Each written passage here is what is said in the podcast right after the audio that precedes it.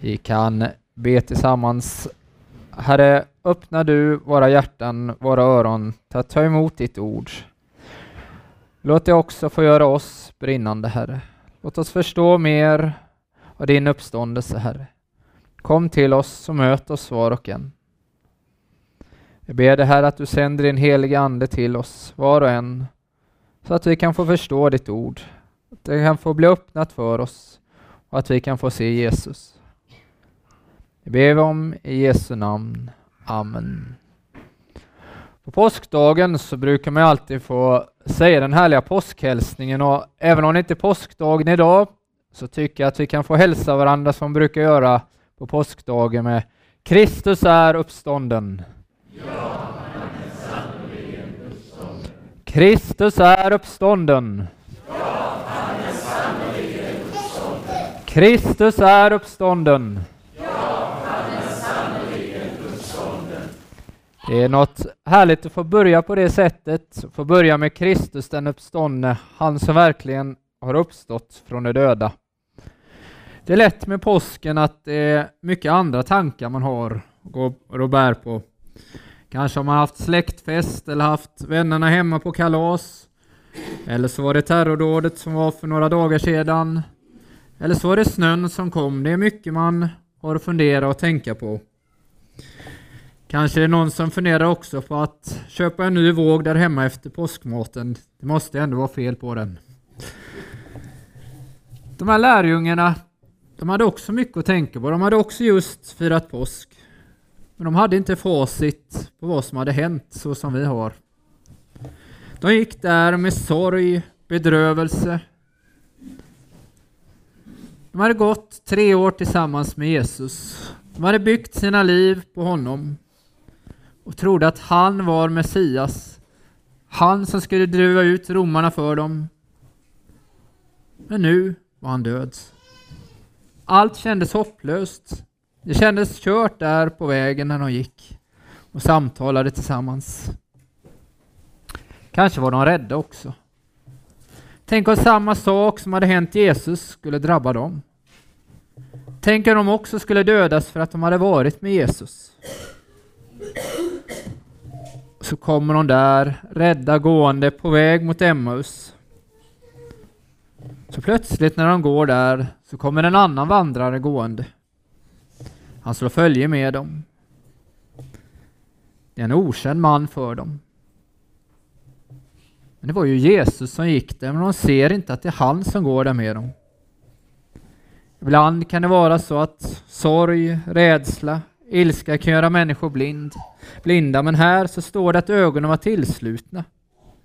De var förblindade. Det var liksom att Gud ville visa sig på något annat sätt för dem.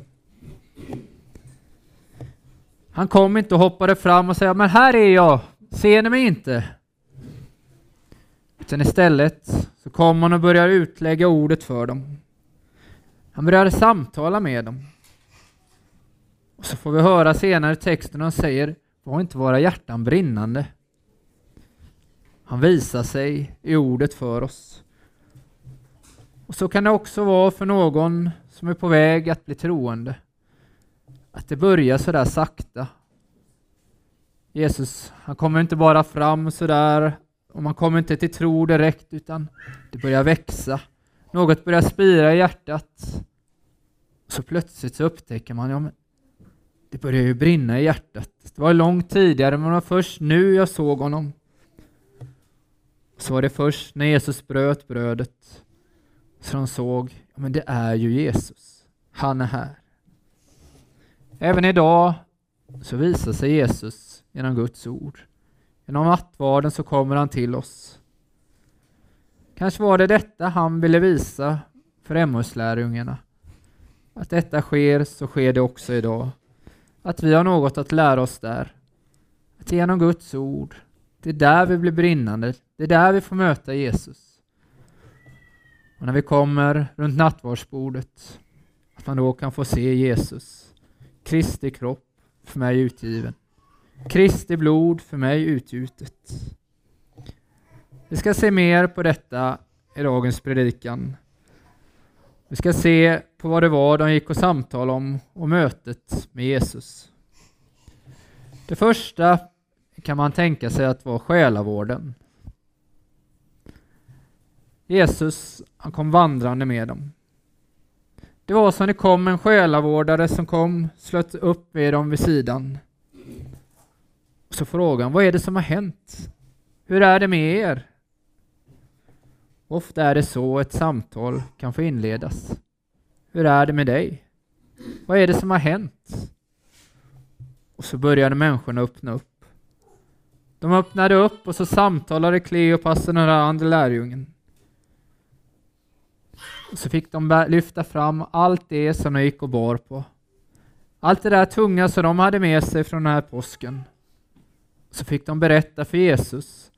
Han som egentligen redan visste allting, men nu fick de sätta ord på det i samtalet med Jesus. Hur är det med dig som är här idag? Finns det någon du kan samtala med? Precis som lärjungarna behövde samtala med Jesus, så behöver vi också det. Ibland så kan han sända en medmänniska som du kan få vandra tillsammans med. Så att du inte går bort, bort till Emmaus istället för tillbaka till Jerusalem. Du går bort med dina saker, allt som tynger dig, men istället får komma till Jesus och så vända tillbaka, så som dessa lärjungar fick göra i mötet med Jesus. De lyfte fram allt det Jesus var, att han var en stor profet, att han var mäktig i ord och gärningen för Gud. De samtalade också om hur deras ledare hade utlämnat honom. Och de som trodde att det var han som skulle rädda dem. Alla deras förhoppningar fullständigt grusade. Det måste ha känts som att allt var kört. Tre år av livet helt bortkastat. Alla förhoppningar om att han skulle driva ut romarna. Nej, det var slut. Och så hade det kommit ännu mer oro i kroppen hos dem. Några kvinnor, och några andra lärjungar där i deras närhet hade besökt graven. Och Jesus var inte där. Var det någon som hade tagit kroppen eller var det så här hade hänt egentligen? Det måste vara oerhörd förvirring när han gick där längs vägen till Emmaus. Vad skulle man tro egentligen? Vad var det som hade hänt egentligen? Själavårdare i vår tid kanske hade sagt Ja men det är lugnt killar. Ni behöver en liten stund av lugn så ska allt ordna sig. Ni behöver återhämta er, så löser sig allt. Men hur mötte Jesus dem egentligen? Det är ganska intressant att se hur texten hur Jesus kommer i mötet och hur han säger till dem. Så oförståndiga ni är och tröga till att tro på allt som profeterna har sagt. Det är inte många själavårdare eller medmänniskor idag som hade sagt till någon så. Kommer man med sina problem och så säger någon till dig, om så oförståndig du är. Du är riktigt trög till att tro på det här. Men Jesus visste att han skulle möta människor. Han visste vad han skulle säga. Men för mig som läser det idag, det är ju så jag hoppar till när jag hör detta. Hur kan någon säga något sånt här egentligen? Det är som om jag skulle åka hem till Göteborg och någon skulle säga, men fattar du ingenting eller är du helt god i huvudet? Alltså det är ju på det sättet det har att göra med det. det vad är det som händer egentligen? Men Jesus, han visste vad han skulle säga. Han hade koll på situationen. Han såg dessa människor och han såg att de behövde vakna. De behövde se att de var på väg åt fel håll. De behövde möta honom. De behövde se att de hade förstått Guds ord på ett felaktigt sätt. De behövde väckas. Hur har ni läst Guds ord egentligen? Har ni inte förstått vad som står skrivet? De behövde en nyorientering. De började börja på nytt. Ibland så kan det vara så också för oss. Att vi behöver skakas om ordentligt. Man kanske har suttit i missionshuset eller kyrkan. Och så plötsligt så väcker det till något. Trots att man har hört så mycket och så plötsligt så blir det levande. Man får komma tillbaka till Jesus. Man kanske hade fastnat i något som man blivit likgiltig inför. Kanske hade man hört allt så många gånger. Så att det hade blivit till bara ord och inte till liv i hjärtat. Det är lätt att somna i förkunnelsen. Somna är det man har hört så många gånger. Somna är det där med syndernas förlåtelse. I Gud att han är helig, att han inte tål synden. Så att man är mer rädd att man inte har syndanöd än man är rädd för synderna. Jesus, han fick väcka dessa människor på vandringen. Och så kommer vi fram till bibelstudiet när han leder in allt. Han först har lyssnat på människorna, han har sett dem, han har mött dem. Och så möter han dem genom Guds ord. Jag måste inte Messias lida detta för att gå in i sin härlighet. Han började med Mose och alla profeterna och förklarade för dem vad som var sagt om honom i alla skrifterna. Så börjar bibelstudiet med Jesus. Tänk att få gå där på Emmausvägen. Få vandra där. Eller bara få sitta som en liten fluga på axeln på en av lärjungarna och få lyssna. När Jesus utlägger Guds ord och visar allt. Man ska inte vara avundsjuk. Man kanske kan få vara avundfrisk på de här lärjungarna. Att tänk att få vara där. Tänk att få finnas med med dem. Få se Guds ord bli så levande. Så fick deras synsätt på Gamla Testamentet fick Jesus visa dem att det handlar om den lidande Messias. Inte den där segerrike Messias som skulle driva ut romarna, så som de hade tänkt sig. Så gick han igenom Gamla Testamentet bit för bit. Mose, profeterna, alla skrifterna, ja hela Guds ord. Allt talade om, det som, om Jesus, den lidande Messias. Kanske så började han i skapelsen. Se hur gott Gud har skapat allt. Så han skapade människorna till sin avbild. Men så plötsligt så frestades människorna. Så åt de av frukten de inte fick. De gjorde en enda synd och så fick Gud sparka dem ut ur paradiset. Så tänker man efter. Hur är det mitt och ditt liv? Räknar vi lågt så kan vi räkna en synd per dag. Det blir 365 synder per år. Det blir 3650 synder lite drygt på tio år. Om Adam och Eva sparkades ut för en enda synd, vad borde då straffet bli för oss som är här? Bibeln lär att syndens lön är döden. Men Bibeln lär också att man får liv och förlåtelse i Jesus Kristus. Jag tror inte Jesus stoppade där, utan han fortsatte han lyfte fram löftet om att han skulle komma. Att han skulle komma med försoningen. Ja, jag ska sätta fiendskap mellan dig och kvinnan, mellan din avkomma och hennes avkomma. Han ska krossa ditt huvud och du ska hugga honom i hälen. Han lyfte fram det första löftet. Det skulle komma någon som skulle befria människorna. Kanske fortsatte han in på Abraham. Abraham och Isak, han tog med sig Isak upp på berget för att offra honom. Men så försåg Gud med ett annat offer. Ett offer istället för någon annan. En ställföreträdare. Så kunde han peka på honom själv som ställföreträdaren. Som offret för den som har begått en eller 3650 synder eller hur många det nu är. Att någon annan tar platsen kopplingen till Jesus från Abraham och Isak, från Adam och, Is från Adam och Eva.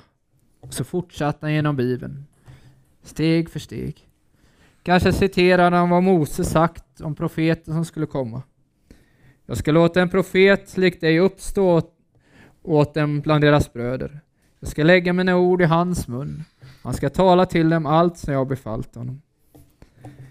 Mose, han fick medla för folket. De hade byggt en guldkalv och de hade offrat till denna kalv. Och så fick Jesus vara medlare för vår skull. Han som är den store medlaren mellan Gud och människa. Kanske lyfte han också fram alla offer, allt som pekade fram emot honom. Allt som gick i uppfyllelse i fullbordan på Golgata kors, när han offrade sig själv. Jag antar att han också kom in på Jesaja 53. Han blev genomborrad för våra brott, slagen för våra synder. Straffet blev lagt på honom för att vi skulle få frid. Genom hans sår är vi helade. Vi gick alla vilse som får, var och en gick sin egen väg. Men all vår skuld lade Herren på honom. Så kan man fortsätta genom Bibeln. Skulle man göra det så skulle man behöva flera möten, flera veckor. Ett helt liv nästan att få fördjupa sig i Bibeln, hur det pekar fram emot Jesus. Genom Guds ord så väcktes en tro i dessa människor. De blev brinnande. De fick höra och förstå. Det handlade om Jesus.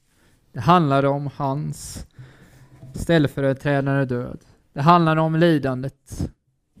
Det handlade om Jesus. Så de var där nästan framme vid Emmaus. Så är det som Jesus vill fortsätta. Men, så fått, men nu har de fått en sån hunger, de har fått en sån tillgänglighet. Ja, men honom vill vi ha kvar, gå inte! Bli kvar hos oss. Det börjar ju ändå bli sent. Så är det liksom nästan som att de drar i Jesus. Kom med in här så vi kan äta tillsammans. Så vi kan fortsätta denna gemenskap. De vill inte släppa honom. Nu kommer vi in på en tredje del av måltiden. De ville bli mer välsignade av Jesus. Tänk om vi också kan be om detta. När vi har fått höra om Jesus. Vi har fått lyssna till honom. Att det är som man bara vill sträcka sig efter. Jag vill ha mer. Jag vill höra mer om honom. Att få bli mer av Jesus. Mindre av oss själva. Att han får stanna kvar. Jag tror att det är många med mig som tänker att vi ofta är tröga i tron man ofta inte är så där brinnande som man skulle vilja vara. Man skulle gärna vilja brinna för Jesus, gå ut på gator och torg och berätta om honom. Men då kan hemligheten få vara att bli kvar hos Jesus. Så att han kan få tända de där torra vedträna som bara väntar för att bli, bli tända av honom. Lärjungarna de började brinna när de var tillsammans med Jesus. Vi har ibland så ont om tid. Även om klockan är samma för oss alla så är det många av oss som fyller tiden med så mycket. Och så är det som att Jesus bara får en liten del av klocktimmarna på dagen. Men kanske skulle man prioritera om för att han ska få bli kvar, få vara där i närheten och få tända oss.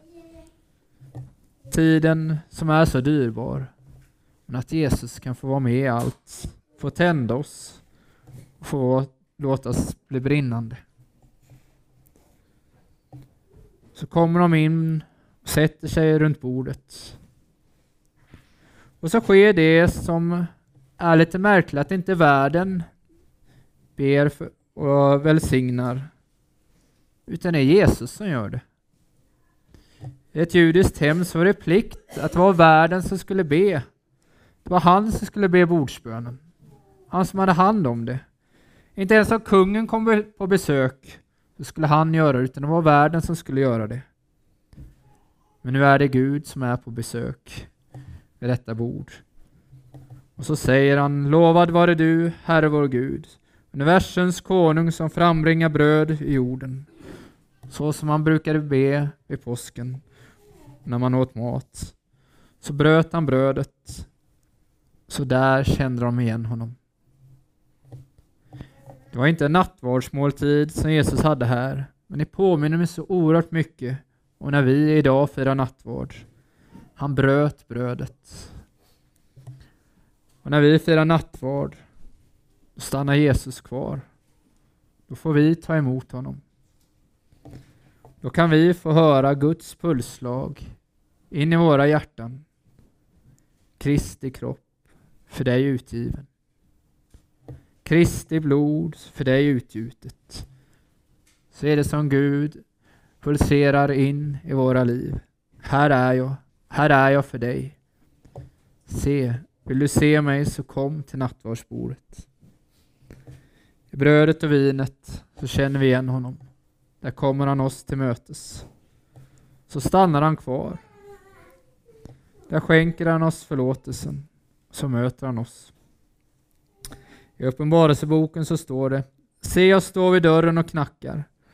Om någon hör min röst öppna dörren ska jag gå in till honom och hålla måltid med honom och han med mig. Så möter han oss också idag vid nattvardsbordet.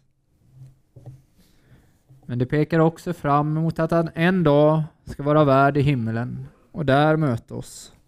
Den som tror på honom får då komma hem och fira den himmelska måltiden. Och då är Jesus värden. Men här i Emmaus så försvann han efter brödsbrytelsen. Det var lite som man vill säga, men kan inte bara stanna kvar där. Du får ta emot så oerhört mycket, men nu måste ni också gå ut. Nu måste ni vidare. Budskapet, det måste ut till andra människor. Och därför kommer det sista handla om missionen. Och det sa till varandra, brann inte våra hjärtan när han talade med oss på vägen och öppnade skrifterna för oss. De hade blivit förvandlade. Från att ha en felaktig tro så hade de fått en sann tro på Jesus Kristus. De har tidigare gått och burit på otro, tvivel, förvirring över livet. Så har man fått en fast förvissning om att Jesus lever. Så hade han kommit genom ordet och kommit där vid brödsbrytelsen och visat sig. Så sa de till varandra, brann inte våra hjärtan? Så kan de inte vara stilla där. De stannar inte trots att det nästan är solnedgång. Utan de skyndar sig. De springer säkerligen de cirka 11 kilometerna från Emmaus in tillbaka till Jerusalem. Och så med andan i halsen så kommer de tillbaka till de andra lärjungarna. Så berättar de vad de har varit med om. Och så är det med en människa som har mött Jesus. Man kan inte tiga. Man kan inte vara tyst längre. Det är som det, man bara vill springa och dela med alla andra. Det är som om man sett en nyförälskad tonåring som bara berättar för alla andra. Titta, jag har funnit världens bästa. Och så sprider hon eller han det till var och en. Så är det med någon som blir träffad av Guds ord. Man kan inte vara tyst längre. Och medan han talade om detta så stod Jesus själv mitt ibland dem och sade Frid vare med er. Mitt i gemenskapen med de andra så kom Jesus också där. Och han sade till dem Detta är vad jag sade till er medan jag ännu var hos er allt måste uppfyllas som är skrivet om mig i Mose lag, hos profeterna och i psalmerna. Sedan öppnade han deras sinnen så att de förstod skrifterna. Och han sade till dem, det står skrivet att Messias ska lida och på tredje dagen uppstå från de döda och att omvändelse och syndernas förlåtelse ska predikas i hans namn för alla folk, med början i Jerusalem. Så kan vi se genom Bibeln Se i kyrkohistorien hur dessa människor blev tända. De gick ut till nya människor med evangeliet. Nya folkslag fick höra om Jesus. Så spred sig Guds ord genom ordet och genom brödsbrytelsen och utdelande av vinet. Så kom människor till tro och fick lära känna Jesus. Och så tändes nya människor och så gick ordet ut till nya människor nya folk, nya länder. Evangeliet fick spridas. Tänk om dagens Emmaus-predikan också kunde lägga den här hungern på mitt och ditt hjärta. Att få vandra ofta med Jesus, dela våra bekymmer, våra oro, våra synder med honom, men också våra glädjeämnen, allt det goda som han ger. Tänk vad gott att han alltid har tid för oss. Även om vi ibland tycks inte alltid ha tid för honom, så är hans tid så oerhört stor så han vill möta oss var och en. Tänk vilken möjlighet att få sitta ner, få bli kvar hos Jesus, få lyssna till Guds ord, att han får tända hjärtat. Tänk vad gott att också få komma och fira nattvard och få möta Herren där. För den som missar en mässa missar en massa, brukar man säga att det, det är mycket man missar när man möter där. Tänk om när idag kan få, vi kan få bli kvar hos Herren, så att han kan få tända oss. Så låt det få bli vår bön att bli kvar hos oss, Herre. Och det ska vi också få sjunga den aftonsången till slut, men vi ber tillsammans. Herre, tack för att du är en god Gud. Tack Herre för att ditt ord är levande. Tack för att du vill tända oss var och en. Gör oss brinnande Herre. Låt ditt ord få bli levande för oss. Skriv det i våra hjärtan Herre. Låt det få bära frukt i våra liv. Så ber vi det här att du får mer rum i våra liv. Jag ber det här att du hjälper oss att få ta tid till dig och möta dig. Så lägger vi oss själva och resten av det här mötet i dina händer. I Jesu namn. Amen.